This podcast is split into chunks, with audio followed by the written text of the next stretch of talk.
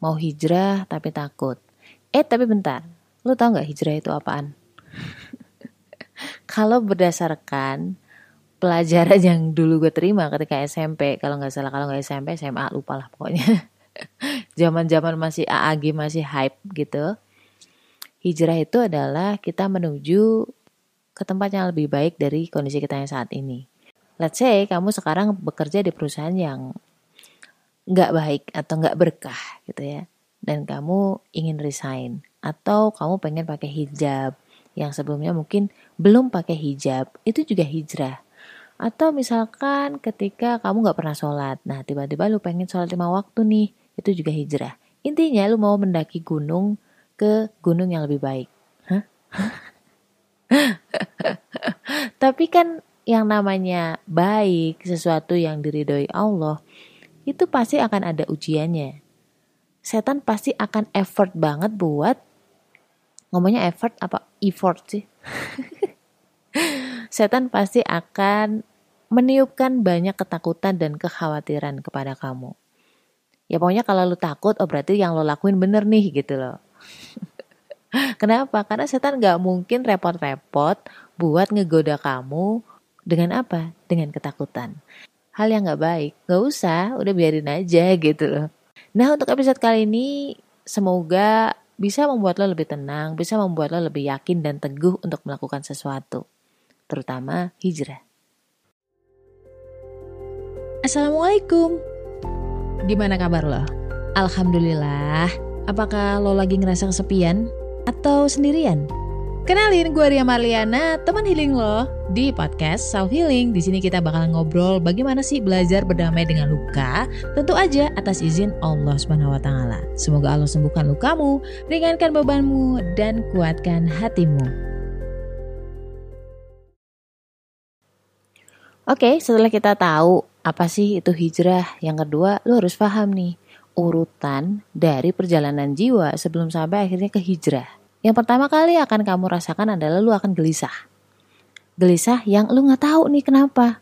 Dan itu berlangsung terus-terusan, bisa bertahun-tahun. Tergantung, kalau lo nggak segera hijrah, lo nggak segera memutuskan untuk pergi dari situ yang nggak akan nyaman. Ibarat kata nih, bayangin aja, lo lagi jalan nih, kecebur ke got. Pasti lu kan nggak akan nyaman tuh. Lu nggak akan nyaman sampai lu mentas dari got itu, terus mandi bersih-bersih. Ketika hati lo gelisah itu adalah ilham dari Allah, panggilan dari Allah untuk kita pergi dari situ. Untuk pergi ke tempat yang lebih baik, untuk bersih-bersih diri. Kendalanya adalah nggak semudah itu kita pergi. Kenapa kita manusia cuy? Sudah fitrahnya ada kekhawatiran, ada ketakutan tentang masa depan, ya kan? Walaupun sebenarnya ketika lo udah lakuin itu nggak semenakutkan yang lo pikir. Lo pahami dulu nih, gelisahmu kenapa ya? Kalau sampai lo nggak bisa menjelaskan alasan logikanya kenapa lu gelisah, kenapa lu nggak nyaman, berarti udah sampai ke jiwa. Kalau misalkan lu masih bisa menjelaskan kenapa lu nggak nyaman, berarti itu masih di ranah perasaan. Gua kasih contoh nih, perasaan yang nggak nyaman itu contohnya gini, ketika kamu dihina, ketika kamu direndahkan, ketika kamu dibohongin, dikhianati, itu kan ada alasannya ya.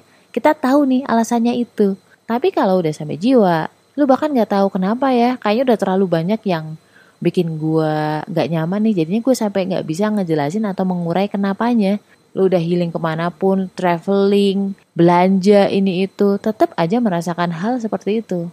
Lu pengen keluar tapi lu takut. Dan ketika lu takut itu berarti setan udah mulai khawatir sama kamu.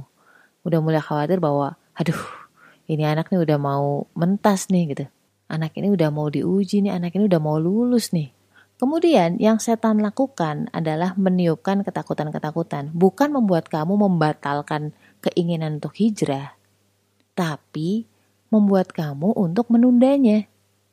Udah, besok aja hijabnya. Udah, besok aja tobatnya. Udah, besok aja resignnya. Begitu terus sampai akhirnya ajal menjemput kita. Allah akan bikin semakin gak nyaman. Semakin gak nyaman, lu akan semakin berdoa, ya Allah tolong minta petunjuk. Allah akan bikin kamu semakin gak nyaman, menyadari banyak hal yang bikin lo tambah gak nyaman. Sampai hilang sebenarnya alasan untuk stay di situ. Ketika di posisi ini sudah banyak orang merasakan bahwa oke okay, gue gak nyaman, oke okay, gue pengen pergi. Bedanya adalah orang yang A itu menyamankan diri kayak ya udahlah hopeless kan. Udah nggak bisa dibenerin nih. Udah nggak bisa pergi dari sini. Udah terlalu settle di sini. Gue nggak bisa ngambil resiko nih kayak gitu. Dan yang kedua orang yang kedua si B ini walaupun dia takut walaupun dia worry dia tuh cari ilmunya mostly manusia tuh takut tentang rezekinya khususnya ketika mereka mau hijrah itu kayak aduh nanti kalau gue pakai hijab orderan jadi jarang aduh nanti kalau misalnya mau pakai hijab gue udah nggak mabok-mabokan lagi nanti teman-teman gue gimana ya tapi si B ini menghadapi ketakutan-ketakutan tersebut dengan bergantung ke Allah. Ya udah ya Allah, saya akan coba melangkah. Saya udah pasrahkan semuanya kepada Engkau ya Allah, kayak gitu. Dan akhirnya si B ini tetap melangkah walaupun mungkin dia takut, dia terjun. Gue pernah lihat sebuah video, jadi di video itu ada semacam animasi, or ada orang, ya kan, dia melihat jurang di situ. Tuhan bilang, loncat, gitu dia takut kan karena dia nggak tahu tuh di bawah di bawah jurang yang gelap itu ada apa apakah semakin dalam apa di dalamnya ada ular naga ada monster kita nggak tahu kemudian Tuhan bilang lagi udah loncat aja karena si orang ini percaya sama Allah sama Tuhan dia loncat dia percaya bahwa Allah nggak mungkin dolim lah Allah pasti akan ngurus dia, Allah akan menyelamatkan dia. Benarlah begitu dia loncat ternyata di bawah itu tuh sudah ada tebing penyelamat gitu loh. Dan di situlah dia mulai berjalan ke tempat yang jauh lebih baik. Lu harus take action, lu harus ngerasain bahwa oh ternyata enak banget ya, seplong ini ya hijrah. Walaupun memang ada ketakutan tapi nggak tahu kenapa rasanya nyaman, rasanya tenang ketika lagi senewen, lagi biasa lah ya namanya awal-awal hijrah masih bergantung kepada dunia, masih bergantung kepada uang, masih bergantung kepada koneksi. Sementara ketika lu hijrah itu semua lu tinggalin. Allah cuma pengen satu hal. Allah cuma pengen kamu nggak mau bergantung kepada apa pun dan siapa pun kecuali Allah. Pembelajaran itu lu dapat insya Allah tuh nggak akan lama, Allah akan ganti dengan yang jauh lebih baik. Kan sesuai dengan sabda Rasul bahwa ketika lo meninggalkan sesuatu karena Allah, itu pasti Allah ganti dengan yang jauh lebih baik. Dan ujiannya belum selesai cuy. Ketika lo hijrah itu akan datang tuh kesulitan pertama bahwa kalau akan diuji nih. Di mana lo, oh, udah sini balik lagi tuh kan lihat. Tuh kan susah kan lo, tuh kan lo kayak gitu kan. Udah sini balik lagi ke kita, udah sini balik lagi ke pekerjaan yang kemarin. Kalau lo sampai nyemplung lagi itu susah lagi nanti hijrah yang kedua, udah susah lagi keluar lagi, sumpah di saat lo kayak gitu, di saat lagi diuji seperti itu dalam keistiqomahan, penting banget untuk stay atau mendekat ke orang-orang yang soleh, yang kuat iman, yang satu visi. Jadi ada yang bilang bahwa hijrah itu adalah masa pencucian dari dosa-dosa kamu. Tapi bagi saya pribadi, saya nggak nggak nggak setuju gitu, kurang setuju dengan konsep seperti itu. Buat saya, hijrah itu Allah menghadirkan Allah sendiri ke kita, bukan karena kita kemarin berdosa lalu dicuci, enggak.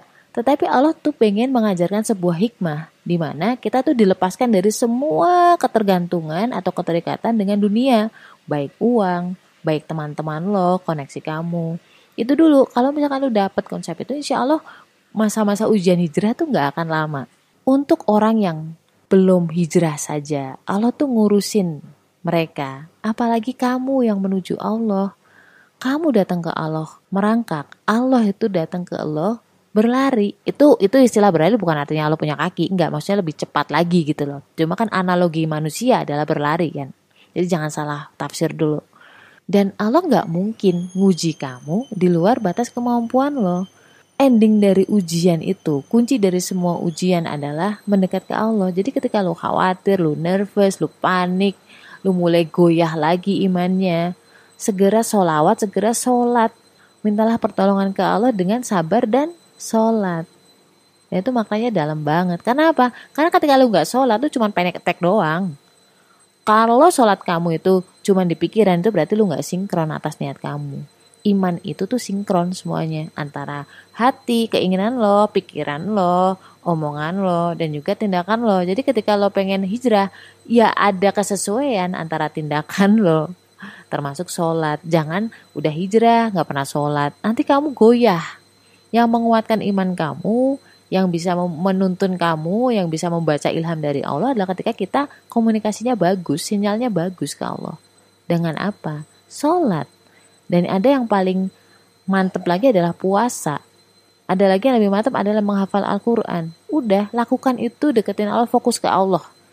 Allah nggak mungkin menutup suatu pintu tanpa membukakan pintu yang lain yang jauh lebih baik dan lebih menenangkan buat kamu baik di dunia dan di akhirat. Semua yang gue omongin sebenarnya ada dasarnya di Al-Quran dan juga hadis. Lu bisa cari. Ingat, hidup itu nggak selamanya. Kita nggak pernah tahu besok masih hidup atau enggak. Kalau nggak sekarang, kapan lagi? La haula wala quwata illa billah. Hasbiyallahu wa ni'mal wakil. Stay love and assalamualaikum warahmatullahi wabarakatuh. Selamat berhijrah, jangan takut berhijrah.